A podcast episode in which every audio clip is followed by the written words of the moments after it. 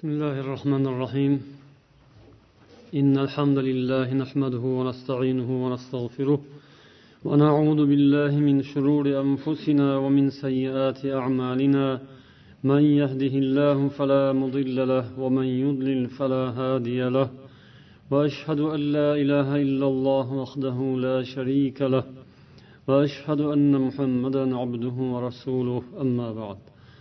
Hurmatli birodarlar muhtarama opalar singillar assalomu alaykum va rahmatullohi va barakatuh. Alloh taologa hamdu sanolar bilan axloq mavzusidagi suhbatlarimizni davom ettiramiz. Bugun sizlar bilan inshaalloh barcha inson uchun muhim bo'lgan yana bir sifat xislat tushuncha haqida gaplashamiz. Bugungi mavzuyimiz arab tilida ar rohma o'zbek tilida esa mehribonlik deb tarjima qilinadi. Bu tushuncha hamma uchun u xoh kofir bo'lsin xoh musulmon bo'lsin barcha insoniyat uchun e'tiborli tushuncha. Kofirlar ham mo'min musulmonlarni ham tilida mehribonlik degan ibora ko'p ishlaydi. Hamma biladi buni yaxshi sifat deb biladi. Lekin kim qanday tasavvur qiladi kim nima deb tushunadi? Mehribonlikni iymonli odam qanday tushunadi? Yoki tushunishi kerak? Yoki iymonsiz odam kofir odam islomdan tashqaridagi odamlarni ham tilida albatta mehribonlik bo'ladi. Bu dunyoda o'zaro munosabatlarning ko'pi mana shu mehribonlik ustiga qurilgan bo'ladi. Rahmu shafqat ustiga qurilgan bo'ladi. Lekin buni kim qanday tasavvur qiladi? Bu ham e'tiborli narsa. Bir narsani to'g'ri tushunsangiz keyin unga to'g'ri amal qilasiz va undan yaxshi natijalarni hosil qilasiz. Noto'g'ri tushungan odam boshqacha tushunadigan odam amali ham o'shanga yarasha bo'ladi va uning natijasi ham shunga yarasha bo'ladi. O'shanga yarasha mevasini hosilasini teradi. Avval boshlab demak to'g'ri tushunib olish kerak. Buni bizga kim tushuntirgan? Shunga e'tibor berishimiz kerak. Bizga buni islom dinimiz olib kelgan. Bizga buni olloh tushuntirgan islom o'rgatgan va buni rasululloh sollallohu alayhi vasallam yetkazganlar. Qanday yetkazganlar qanday tushuntirib berganlar va bunga uzoq tarix davomida qanday amal qilingan. Musulmonlar bu tushunchaga qanday amal qilishgan? Mana shulardan kelib chiqqan holda biz ham buni tushunishimiz o'rganishimiz kerak. Shunday qilib bu mavzu ar rohma yoki mehribonlik bu e'tiqod bu axloq ya'ni to'g'ri tushunsak bundan e'tiqod kelib chiqadi. Agar unga chiroyli amal qilsak undan xulq axloq kelib chiqadi. Biz buni o'rganib e'tiqodimizni tuzatib olamiz. Nuqsonlarimizni to'lg'azamiz ya'ni tuzatamiz va xulqimiz inshaalloh sayqal topadi. Ar rohma so'zining lug'aviy va istilohiy ma'nolaridan boshlaymiz. Ar rohmatu lug'atan taduru maddatu ya'ni bu so'zning o'zagini tashkil qiladigan kalima bu kalimaning o'zagini tashkil qiladigan harflar. Ro so mim. Havla ma'na riqqati val atfi va rafati. Riqqat bu noziklik atf mehribonlik rafat ham mehribonlik rahmdillik shafqat. Ma'nolarida keladi. Ibn foris aytadilarki rahimahu yarhamuhu ya'ni bu fe'li rahima yarhamu fe'lidan olingan arab tilida. Ar ruhm val marhama va rahma mana shular bir birini ma'nosida takrorlab keladi. O'zimizning tilimizda ham bulardan rahmat deganni marhamat deganni ishlatamiz. Lekin ruhm bu arab tilida o'ziga xos arab tilida ishlatiladi. O'zbek tiliga ham bu narsa kirgan va o'sha ma'nosi bilan kirgan. Ya'ni shafqat rahm shafqat ma'nosi bilan kirgan.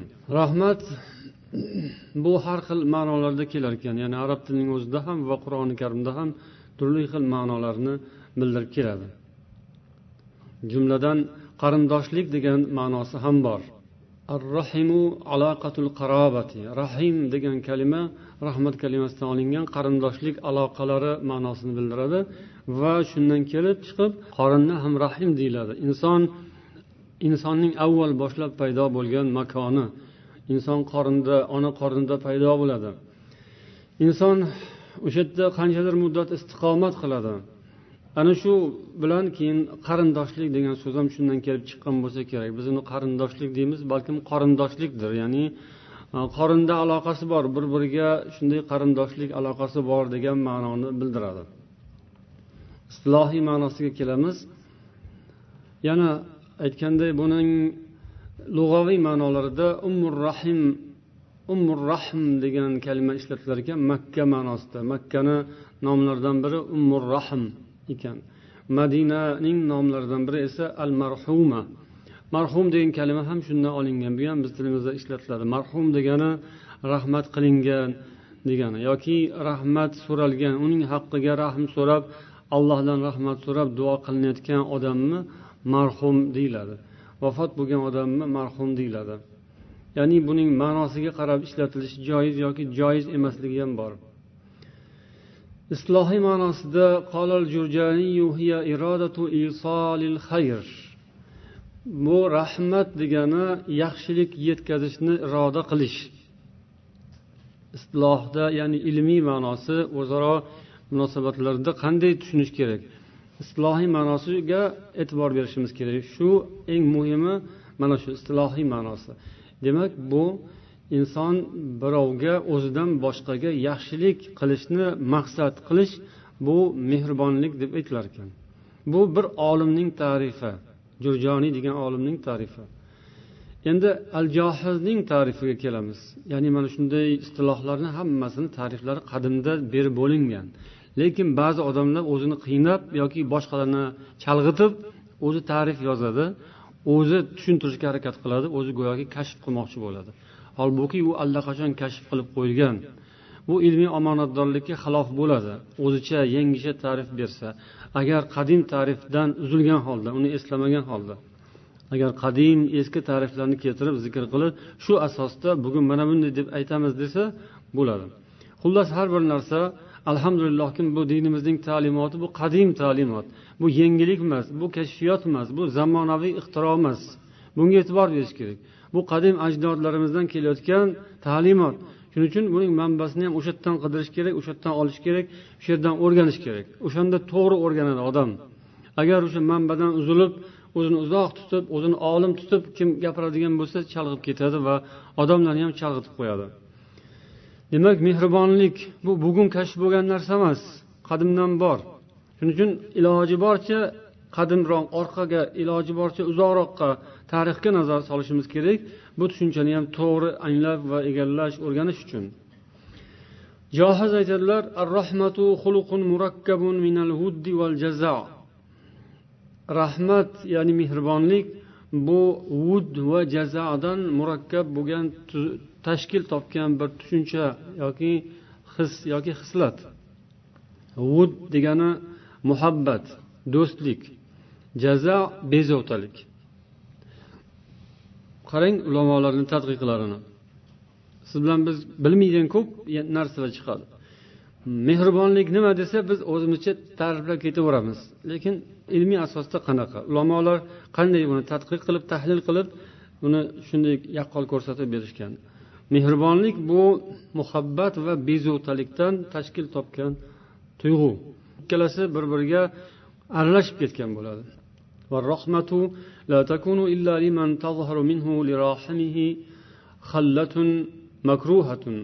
Rahmat o'sha rohim ya'ni rahm qiluvchi rohim marhum rahm qilinadigan. Rohimda bir makruh sifatdan kelib chiqadi ya'ni rohim o'zida o'ziga yoqtirmaydigan rohimga yoqmaydigan bir hissiyotdan paydo bo'lishi kerak محبة للمرحوم مع جزع من الحال التي من أجلها رحم bu muhabbat va jazodan iborat ekan o'sha rahm qilinayotgan odamda paydo bo'lgan bir holatki o'sha holatni mana bu rahm qilayotgan odam qabul qila olmaydi. Ya'ni shundan bezovta bo'ladi. Shundan bezovtalanib shundan u ta'sirlanib o'zini noqulayroq yoki yomonroq his qiladi. Ya'ni mehribonlik paydo bo'lishi uchun unda bir turtki bo'ladi. O'sha turtki o'sha mehribonlik qilinishga muhtoj bo'lgan odamning holatidagi bir salbiy holat. O'sha salbiy holatga bu yoqdagi odamda achinish paydo bo'ladi bezovtalik paydo bo'ladi. Biroz e, o'zini tinchini yo'qotadi va o'sha tinchini yo'qotish bilan birga unda muhabbat ham bo'ladi uni yaxshi ko'radi unga doim e'tibor berib yurgan bo'ladi. Mana shu ikkalasi qo'shilsa keyin mehribonlik paydo bo'ladi. Shunchaki yaxshi ko'rishning o'zi mehribonlikka kifoya qilmas ekan. Shu yoki shunchaki uning holidan tashvish tushishning o'zi mehribonlik hisoblanmas ekan. Uning ahvolidan siz tashvishga ham tushishingiz kerak bezovta ham bo'lishingiz kerak. Ko'nglingiz biroz nojam deydiyu bo'lishi kerak. Va unga siz o'zi mehribon uni yaxshi ko'radigan odam sizda unga nisbatan muhabbat do'stlik bo'lishi kerak. Ikkalasi qo'shilsa keyin mehribonlik bo'ladi. Kimga siz do'stman desangizu uning holidan bezovtalanmasangiz tashvishga tushmasangiz siz unga mehribon emassiz. shunchaki bir yuzaki do'st bo'lishingiz mumkindir lekin siz uning ahvolidan tashvish tortmayapsizmi xotirjammisiz u qiynalyapti u muhtoj siz xotirjamsiz lekin man do'stim deb qo'yasiz demak siz unga rahmdil emassiz mehribon emassiz unga قال الكفاوي الرحمة حالة وجدانية تعرض غالبا لمن به رقة القلب endi kafaviyning tarifiga nazar solamiz. U kishi aytadilarki rahmat ya'ni mehribonlik bir vijdoniy holat insonning vijdonida yoki insonning tabiatida paydo bo'ladigan bir his tuyg'u bir holat. Ko'pincha qalbi yumshoq odamda paydo bo'ladi.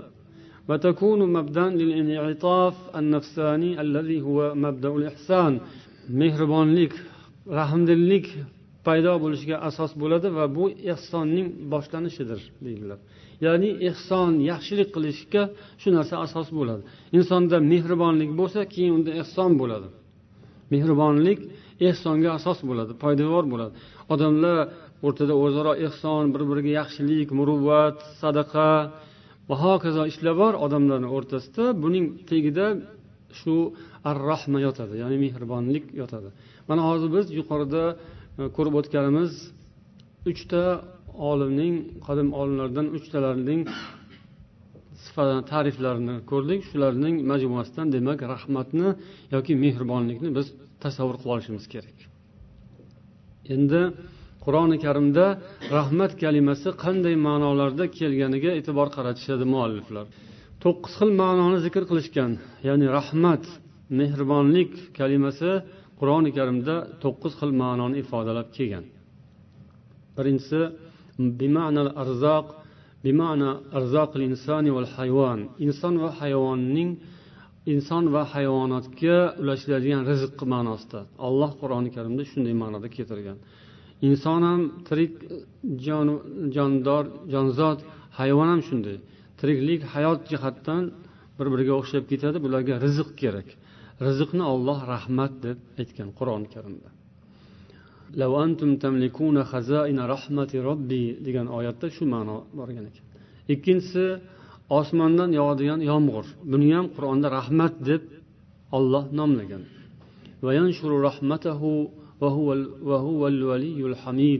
Olloh o'zining rahmatini yoyadi yozadi. U validir hamiddir. Uchinchi ma'nosi ofiyat balo imtihonlar balolardan omonlik berish ofiyatda saqlash bu ham rahmat ma'nosida.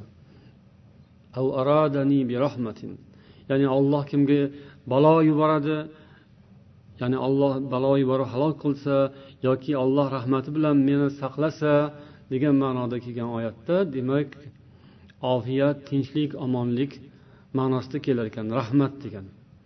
To'rtinchisi min azabin niron. Do'zax olovidan ozod qilish ma'nosida. Rahmat. Agar allohning sizlarga fazli marhamati va rahmati bo'lmaganda deganda do'zax olovidan ozod qilish nazarda tutiladi. Beshinchisi dushmanlar ustidan g'alabaga erishtirish.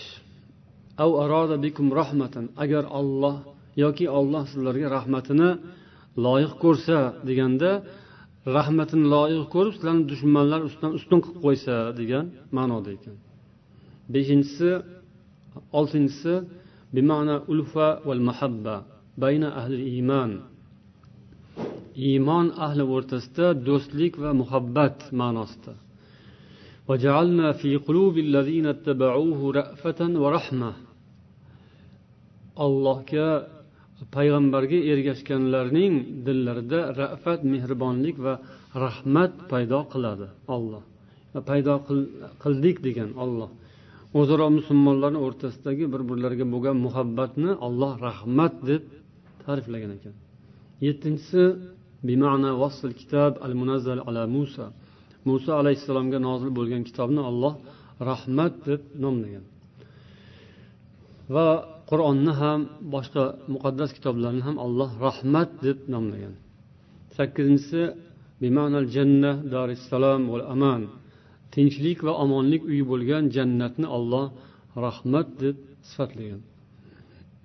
To'qqizinchisi bima'na sifatir rahimir rahman olloh o'zining sifatini rahmat deb sifatlagan. Alloh o'ziga rahmat sifatini nisbat bergan. Endi mana shu yerdan ma'na rohmanir rohimga o'tamiz. Ya'ni ar rohmanir rohimning ma'nosi nima?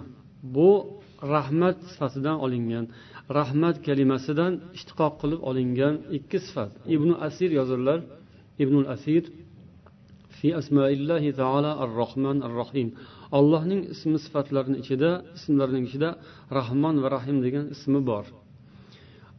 Bu ikki ism rahmat kalimasidan ishtiqoq qilingan olingan ya'ni asli asosi rahmat kalimasi ya'ni mehribonlik. Va rahmanu ablag'u min rahim bu yerda rahmonning ma'nosi rahimdan kuchliroq. Rahmonniki rahmonning mehribonligi rahmnikidan ko'ra kuchliroq balig'roq yuksakroq shuning uchun rahmon bilan boshqa hech kim sifatlanmaydi ollohdan boshqa. Rahim sifati bilan bandalar sifatlanishi mumkin. Maxluqlar ham rahim bo'lishlari mumkin lekin rahmon bo'la olmaydilar. Ollohdan boshqa ham rahim bo'lishi mumkin. Lekin hech kimga rahmon deyish mumkin emas. Abdurahmon deyish kerak. Abdurahmon kimni oti bo'lsa rahmon deb qo'ygan bo'lsa ham xato bo'ladi. Abdurahmon rahim deb qo'ygan bo'lsa bo'lishi mumkin. Rahim rahmaka rahimjon bo'lishi mumkin. Abdurahim bo'lsa yaxshiroq. Lekin rahim ham to'g'ri. Lekin rahmon noto'g'ri. Hech kimga rahmon deyish kerak emas. Ollohdan boshqa hech kim rahmon bo'la olmaydi.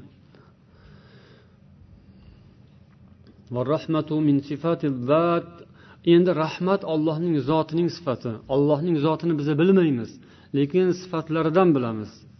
Olloh zotining sifatlaridan biri rahmat ya'ni mehribon.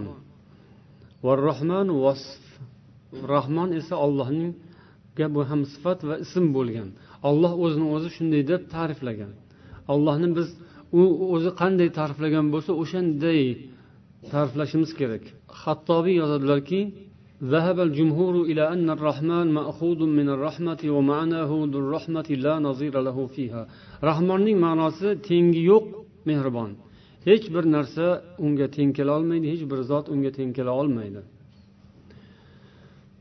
Barcha haloyiqni o'z ichiga jamlab oladigan mehribonlik.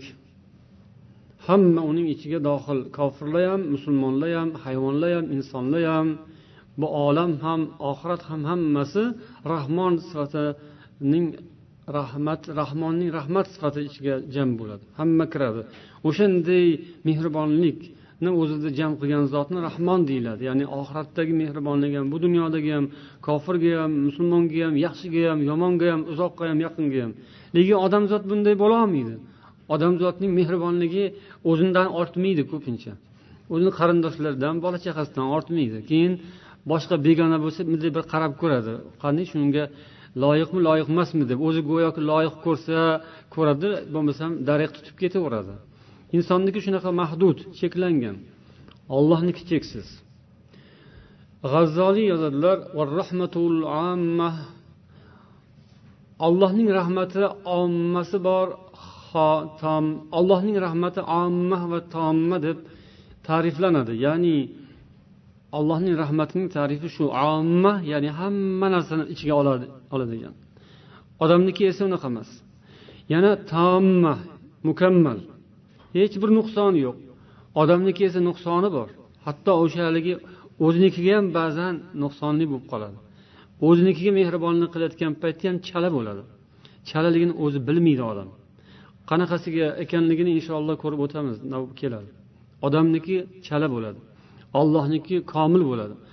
Odamniki mahdud bo'ladi. Ollohniki shomil bo'ladi. Hammasini o'zini ichiga oladi. Tamma va amma. Tamomuhu nima degani? Tomma hammasi mukammalligi shu jihatdanki hammaga mustahiqmi g'ayri mustahiqmi olloh ajratmaydi. O'sha ollohning rahmatiga loyiqmi loyiq emasmi? Ajratmasdan rahmatini yog'diradi mehribonligini qiladi. Lekin odamzod ajratadi. Loyiqmi loyiq emasligiga qaraydi. Chunki endi o'zi o'zi kamda o'zi o'zi sanoqli. Ollohniki unday emas. Va yana omligi tamom e, tamomligini ko'rdik ya'ni loyiqmi loyiq emas barchasiga barobar. Endi omma deganning ma'nosi dunyo va oxiratni o'z ichiga oladi deganlar ekan. G'azzoliy yoki al g'azaliy ikki xil o'qish mumkin ekan.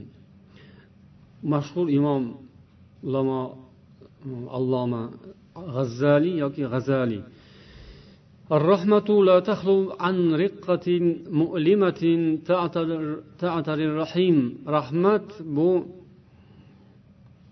qalbi yumshoq insonga keladigan bir ozordan xoli bo'lmaydi insonga bir ozor bo'lishi kerak u mehribon bo'lishi uchun haligi rahmat qilinish rahmatga muhtoj bo'lgan insonning hojatini bitirishga qo'zg'atadigan turtki kerak O'sha turtki shu ozor. Nimadandir ozor chekadi. Keyin u harakatga tushadi. Va robbu subhanahu va taolo munazzahun anha. Lekin biz ollohni ham mehribon deyapmiz. Olloh esa bunday sifatdan pokiza. Ollohda unday ozor bo'lmaydi. Olloh ozorlanmaydi. Ozorlanish maxluqlarga xos sifat. Bu nuqson og'rish ozor alam.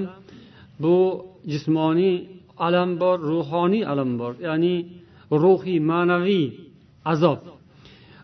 Mehribonlik ma'naviy azobdan kelib chiqadi. Ma'naviy azob tortish bu maxluqda bo'ladi insonda bo'ladi. Ollohda bo'lmaydi. Bu nuqson. Ya'ni allohga nisbatan nuqson bo'ladi. Insonga nisbatan esa unday emas. Inson agar ma'naviy ozor tortmasa u toshga aylanib qoladi. Ya'ni toshbag'ir deyiladi uni.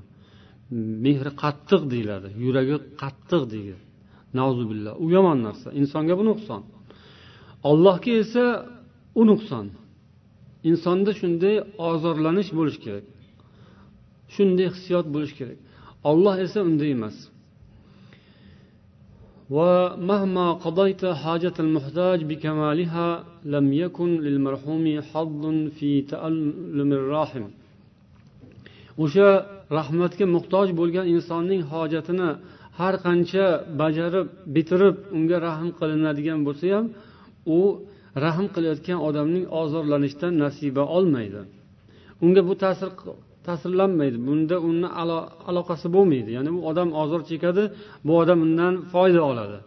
Lekin ozor chekmaydi. Ozor chekishda bunda aloqa yo'q. Va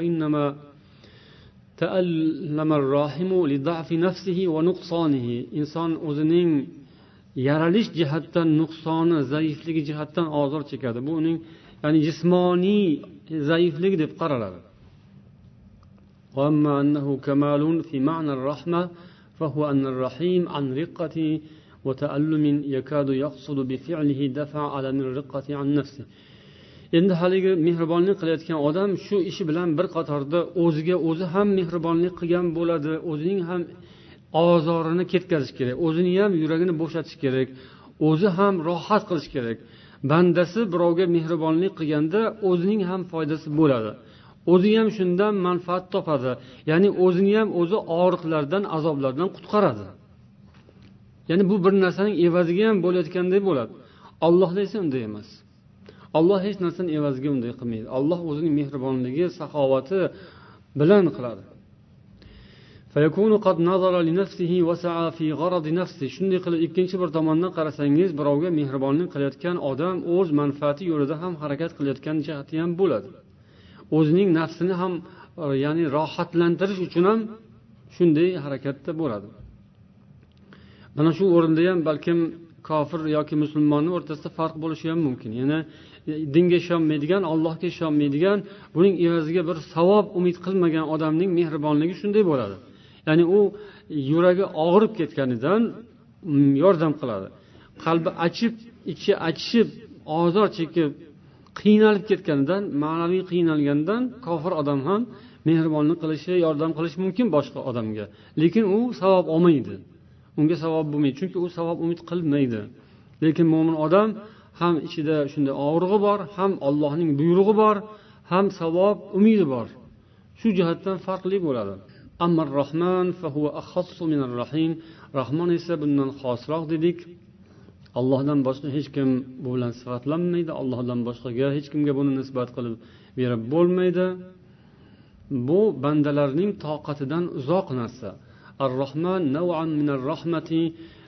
Rahmonlik deydilar imom g'azzoliy mehribonlikning bir ko'rinishi lekin bandalarning imkoniyatida yo'q bo'lgan mehribonlik bu. Oxirat saodatiga bog'liq. Va insonlarning bu dunyodagi yaralishlari hidoyatga kelishlari ollohni tanishlari dinga kirishlari haq bilan botilni ajratishlari bu hammasi allohning rahmon sifatiga bog'liq bo'lgan mehribonligidan bo'ladi. Buni hech kim qilolmaydi faqat olloh qiladi. Bu dunyoda ham oxiratda ham. Olloh hidoyatga boshlashi rahmon sifati bilan ekan. Lekin hidoyatga kelmaganlarni ham boqib rizq beraverishligi u rahim sifati bilan ekan. Ibnul qayyim yozadilar ar rahmatu sababun vasilun baynallohi azza va jalla va bayna ibadihi. Ar rahma ya'ni mehribonlik sifati olloh bilan bandalar o'rtasini bog'lab turadigan bir vositadir. Mana shu tufayli olloh ularga vahiy yuboradi payg'ambarlar yuboradi kitoblar nozil qiladi. Va hokazo. Endi navbatdagi mavzu ar rahmatu taqdadil hazm lal ihmal. Rahmat bu beparvolik emas balki qat'iyatdir deyishadi mana kitob mualliflari shunday sarlavha qo'yib. Keyin ibnul qayyimning so'zlarini iqtibos qilishadi. Ya'ni rahmat degani mehribonlik degani bu beparvolik o'z holiga tashlab qo'yish nima desa aytganini qilib berish xursand bo'lsin va hokazo yesin ichsin o'ynab kulsin mana bu joydan xato ketadi ya'ni ko'p odamlarning tushunchasidagi rahmat mehribonlik tushunchasidagi kemtiklik nuqson adashish zalolat mana shu nuqtada bo'ladi. Rahmat mehribonlik bu qat'iyat aniq tiniq qat'iy bir yo'l. Bu beparvolik emas. Ibn qayyim yozadilarki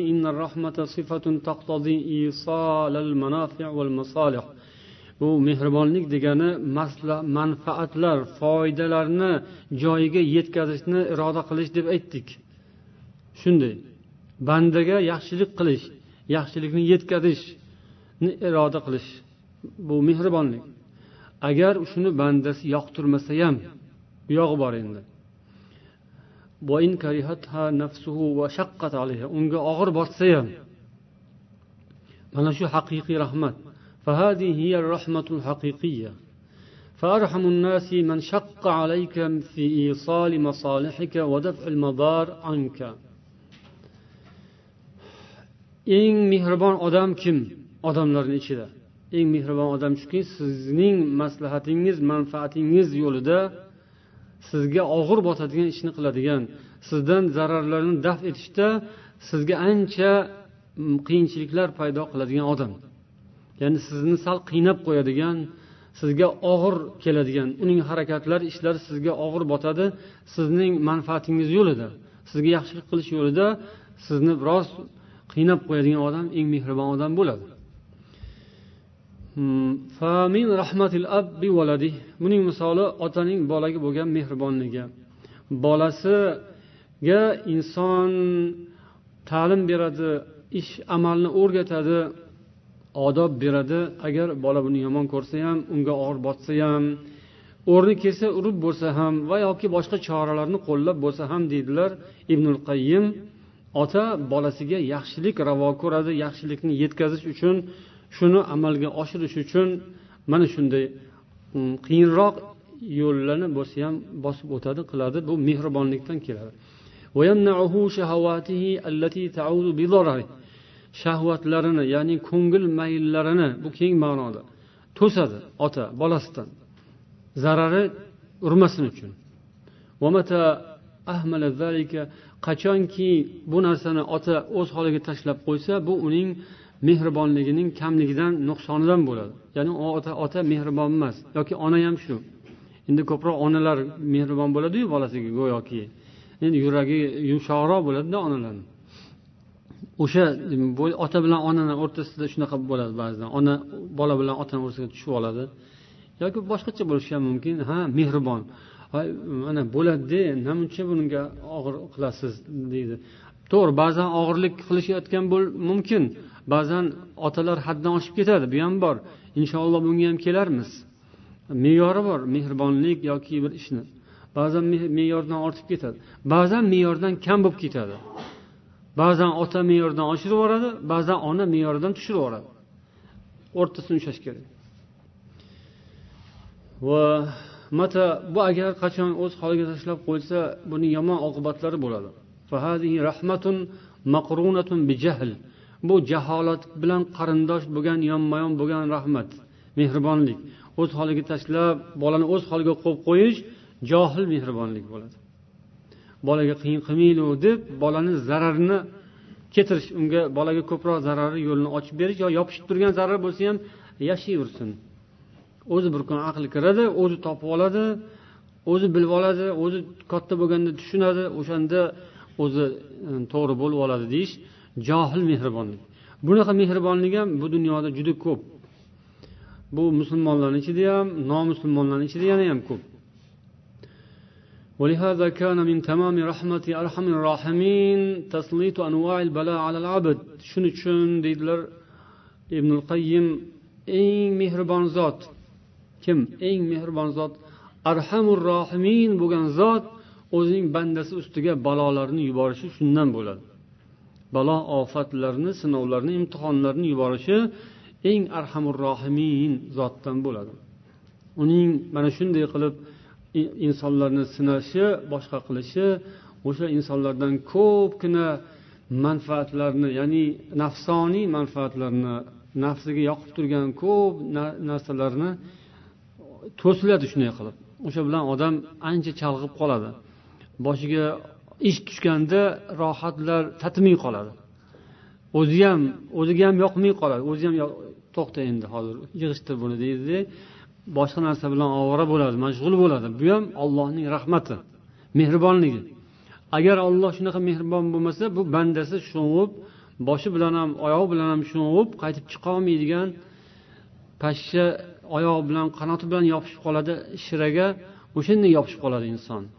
Olloh unga balolarni yuborib ofatlarni yuborib sinovlar yuborib ko'zini ochib qo'yadi sal hushyor torttiradi va inson o'ziga ham yoqmay olloh xudo deb qoladi ibodat qiladi va harakat qiladi bu ollohning mehribonligidan.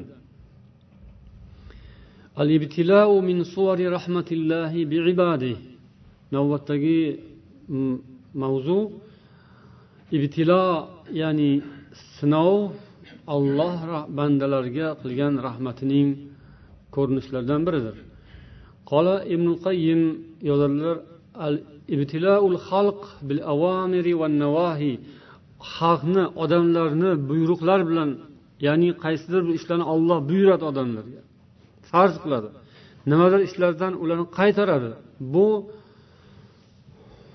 rahmatan lahum ularga mehribonligidan shunday qiladi. Va hamiyatan la hajata minhu ilayhim. Ollohga buning aslida hojati yo'q. Olloh ularga muhtoj emas bunday ishlarni amalga oshirishdan.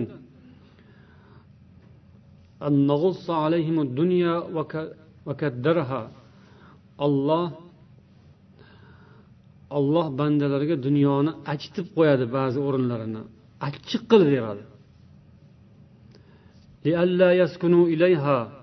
shu dunyoga berilib ketmasinlar uchun. Pul topaman boshqa qilaman deyotgan mahalda olloh bir qoqiltirib ham qo'yadi. Bir joyga peshonasini urib ham qo'yadi. Topgan pullari tatmidini ham qilib qo'yadi. Topgan pullari hammasi o'ziga qo'shib boshqa narsani ham qo'shib sovurib bir joydan teshib olib ketadigan ham qilib qo'yadi. Buni olloh qiladi. Nima uchun? Xotirjam bo'lib qolishmasin shu topgan pullariga topgan dunyolarga berilib taskin bo'lib ko'ngillari xotirjam bo'lib qolmasin.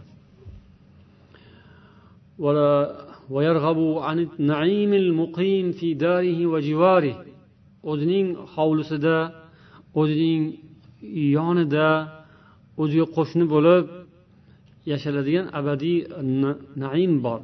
O'sha eslardan chiqib qolmasin. O'sha eslardan chiqib qolmasin uchun bu dunyodagi naimlarni orasiga ozgina achchiq qo'shib qo'yadi. Ozgina buzib qo'yadi o'zi. Bandani nazarida voy ish buzildi rasvo bo'ldi deydi. Voy dabdala bo'lib ketdi deb ta'riflaydi uchalarni odamlarni o'zi gapiradi shunaqa odamlar. Rasvo bo'ldi ish oyoq osmondan bo'lib ketdi falon bo'ldi piston bo'ldi deb o'zi ta'riflaydi o'shani kim qiladi? Olloh qiladi. Nima uchun qiladi? Bizga yaxshi bo'lsin deb qiladi. Olloh shu dunyodagi odamlarga yaxshi bo'lsin deb qilar ekan. Ya'ni rahmatan lahum. Ularga mehribonlik qilib olloh shunday qiladi. Olloh ulardan ba'zi narsani to'sib qo'yadi. Ba'zi narsani berish uchun. Undan yaxshirog'ini berish uchun bandasi o'ziga judayam yaxshi deb turgan narsani to'sib qo'yadi yoki olib qo'yadi. Balo yuboradi omon qilish uchun. To'sadi berish uchun. Balo yuboradi omon qilish uchun. Bir biriga teskari iboralar ibn qayyimning iboralari go'yoki olib qo'yadi berish uchun. Balo yuboradi omon qilish uchun. Nima degani haqiqiy balodan omon bo'lgin deb olloh vaqtinchalik balo beradi. Hatto o'rni kelganda o'ldiradi nima uchun? Tiriltirish uchun.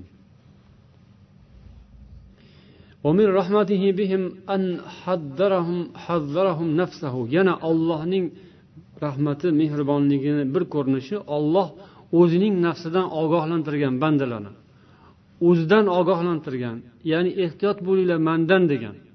Subhanalloh. Mag'rur bo'lib qolmasinlar. Ya'ni allohning mehribonligiga uchib qolmasinlar. Allohning mehribonligini orqasida boshqa narsa ham bo'ladi. Allohning ne'matlarining keyinidan bundan chalg'ib ketmasinlar. Yana allohning rahmatlari deb sanayaptilar ibn qayyim olloh ularga kitoblar nozil qildi. Payg'ambarlar yubordi. Shunday qilib ikkiga bo'linishdi odamlar shundan keyin. Mo'minlar paydo bo'ldi kofirlar paydo bo'ldi mo'minlar olloh bergan qur'ondan hidoyat olib rahmatga sazovor bo'lishdi. Kofirlar esa hidoyat va rahmat ulanmadi. Qur'on kofirlar uchun hidoyat rahmatsiz hidoyat bo'ldi. Ya'ni to'g'ri yo'lga boshlash degan hidoyat bu yerda. Hidoyatning ma'nosi ko'p. To'g'ri yo'lga chaqirish ham hidoyat bo'ladi. To'g'ri yo'lga muvaffaq qilib kirgizib qo'yish ham hidoyat bo'ladi. To'g'ri yo'lga chaqirish bu odamlar tomonidan qilinadigan hidoyat da'vat. Olib kirib qo'yish ollohdan bo'ladi qalbiga solib qo'yish. Qur'on hidoyat bo'ldi ya'ni chaqirish bo'ldi da'vat bo'ldi lekin rahmat bo'lmadi. Ya'ni kofirlar uchun bu rahmat bo'lmadi. Mo'minlar uchun esa rahmat bo'ldi.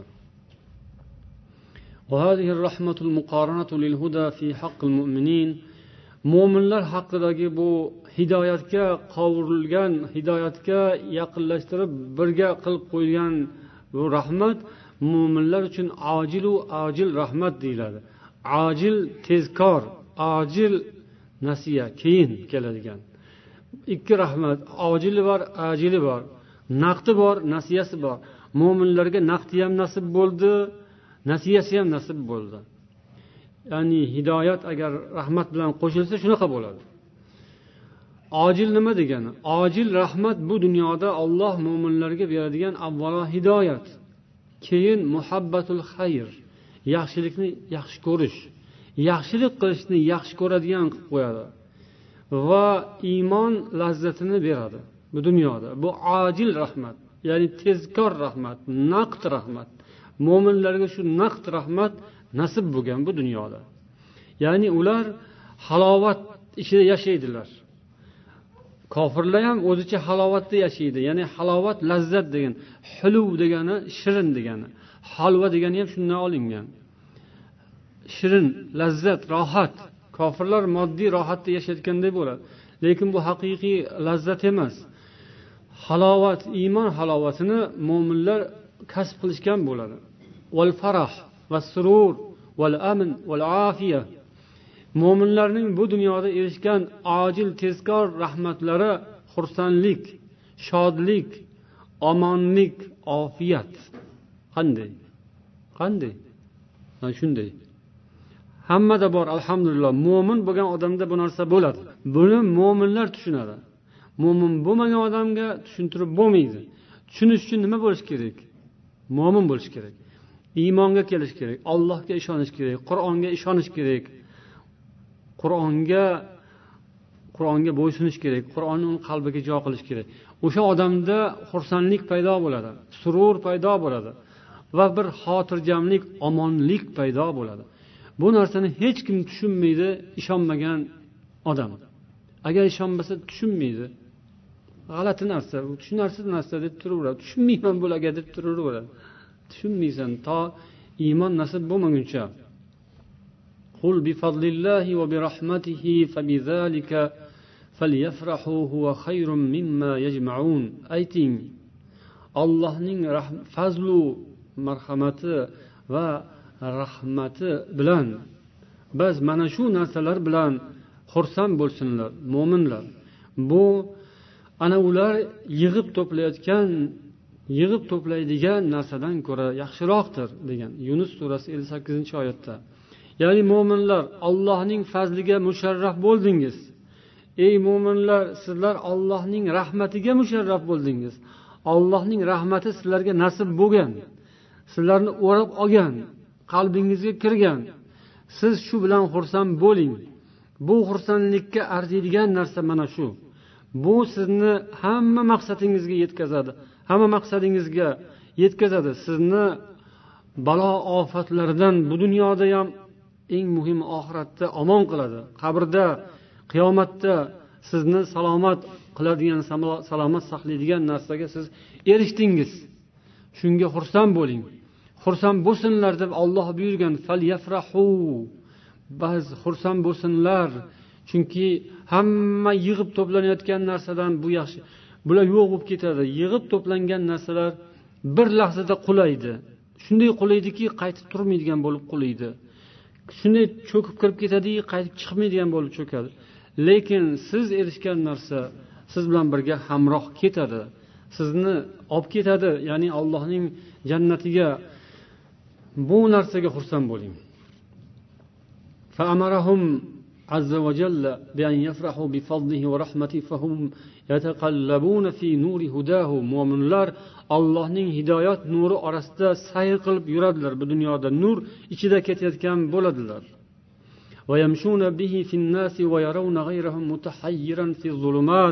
odamlar ichida yurib atroflariga qarasalar odamlar zulmat ichida harson sargardon bo'lib yurganini ko'radilar. Ya'ni shuni tushunadilar. Boshqalarini ko'rib hayron sargardon ekanini tushunadilar. Ya'ni nurga musharraf bo'lmagan odamlar shunday bo'ladi. Balo ofat bo'lsa endi bu hammaga barobar. Olloh unaqa ajratmaydi. Baloni olloh bir sharqqa yuboradi bir g'arbga yuboradi bir o'rtasiga tushiradi hamma joyda. Axborot eshitsangiz yetadi hammasi. Radioga quloq solsangiz falon joyda toshqin piston joyda zilzila u yerda vulqon bu yerda janjal u yerda urush u yerda qatl u yerda jinoyat yurtda bankni o'margan falon joyda portlatgan va hokazo balo ofat hamma joyda na musulmon dunyosi na boshqa dunyo bundan xoli. Dindan uzoq bo'lib islomdan voz kechib bir jannatga o'xshagan joy qurib olgani yo'q hech kim. Bir tomondan qarab boshqa tomonni ko'zi yumib voy jannat hayot jannat jamiyat va hokazo degani bilan o'sha hamma hozir sanalgan narsalar hamma joyda bor. Lekin qalbi to'la nur bu iymonda bor islomda bor musulmonlarda bor. Bu rahmat.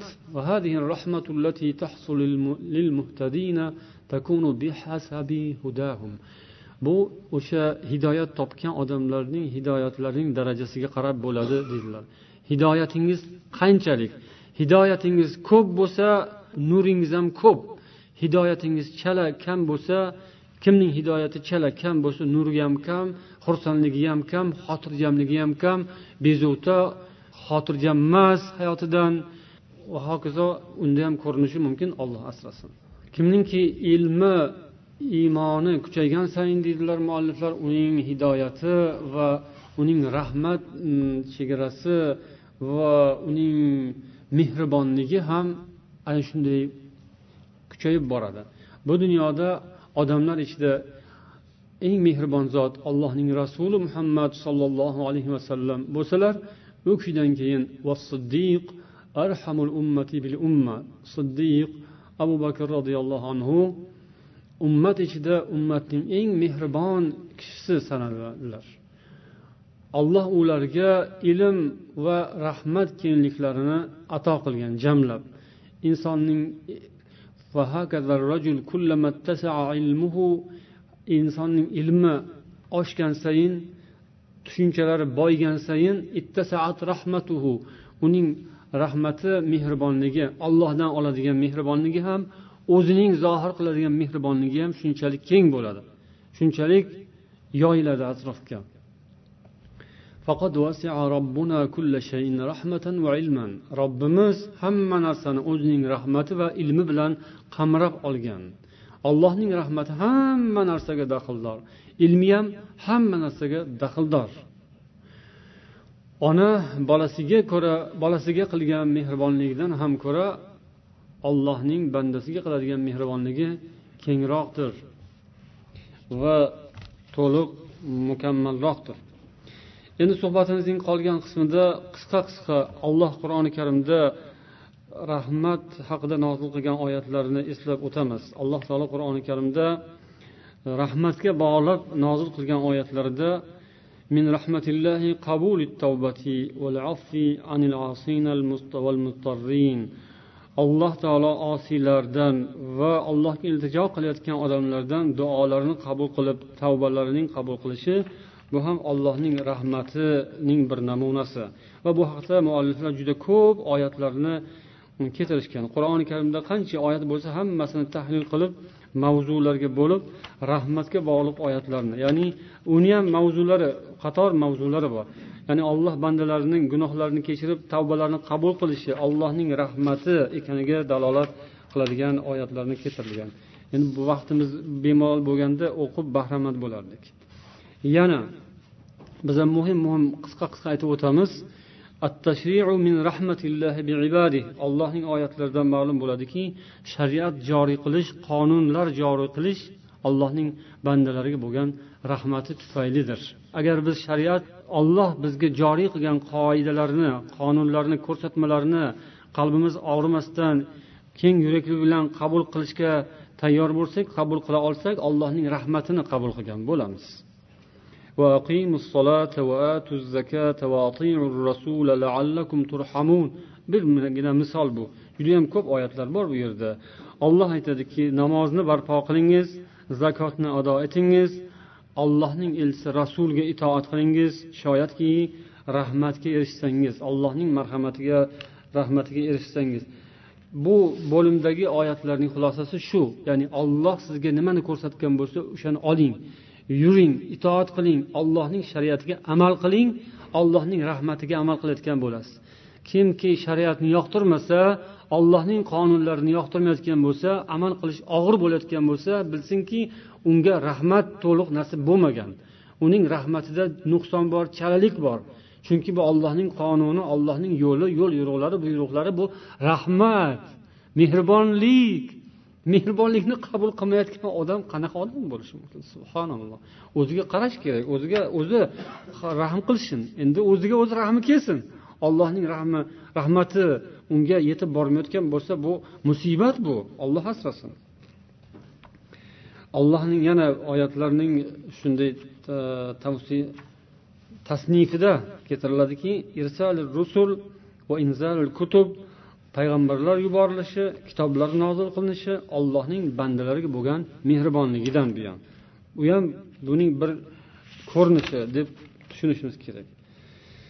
Yana allohning rahmati barcha mo'minlar uchun va boshqalar uchun bu dunyoda om va oxiratda esa faqat mo'minlarga xos ekanligiga taalluqli bo'lgan oyatlarni keltirilgan. Yana bir muhim narsa. Mana bu yerdagi bir majmua oyatlarda esa mo'minlar allohning rahmatini qidirishlari vojib ekanligini ko'rsatadi. Mo'minlar bu narsaga buyurilganlar. Bunga juda ko'p misollar keltirilgan. Masalan robbana vaj'alna muslimayni laka va min zurriyatina ummatan muslimatan lak وأرنا مناسكنا وتب علينا إنك أنت التواب الرحيم bu oyatlarni alloh taolo ibrohim va ismoil alayhissalomlar tillaridan hikoya qilgan ular kabani bino qilayotgan paytlarida allohning amri bilan shu duoni o'qib ollohdan iltijo qilib so'rashgan ya'ni ey robbimiz bizni senga taslim bo'lgan odamlardan qilgin biz ikkovimizni ota bola ikkalamizni senga taslim bo'lganlardan qilgin deb so'rashgan Subhanalloh payg'ambarlar. Payg'ambarlardan ham ko'ra ko'proq taslim bo'lgan odam bormi dunyoda? Yo'q. Lekin shunday bo'lsa ham bular shuni so'rashyapti. Allohga uncha taslim bo'lolmagan odamlar ko'proq so'rashimiz kerak. Bizning zurriyotlarimizdan ham senga taslim bo'ladigan musulmon bo'lib bo'ysunib yashaydiganlarni chiqargin va bizga qiladigan ibodatlarimizni yo'lini ko'rsatgin o'rgatgin va bizning tavbalarimizni qabul qilgin. Albatta sen tavbalarni qabul qiluvchi va mehribon zotsan. Bu yerda ham shu mehribonlikni qidirish kerak allohning mehribonligini qidirish kerak harakat qilish kerakligini ishora qilinyapti. Alloh taolo barchamizga rahmatini mukammal komil ato etishini so'rab qolamiz. Allohning rahmatini qidiradigan bo'laylik va topadigan bo'laylik. Allohning rahmatlaridan topganimizni ilohim o'zimizda mustahkam saqlab qolaylik. Ketib qolmasin. Ba'zida odam erishgandan keyin mahrum bo'lib qolishi ham bor. O'zining niyatlarining yaxshi emasligi nafsining yomonligi tufayli qo'lidagi bor narsadan mahrum bo'lib qoladigan rahmatdan uzilib qoladigan badbaxt kimsa ham bo'lishi mumkin nauzubilloh olloh asrasin alloh bizga ato qilgan rahmatlari chin bo'lsin doimiy bo'lsin abadiy bo'lsin va shu rahmat tufayli allohning jannatiga sog'u omon yetishimizni kirishimizni muvaffaq aylasin سبحانك اللهم وبحمدك أشهد أن لا إله إلا أنت أستغفرك وأتوب إليك السلام عليكم ورحمة الله وبركاته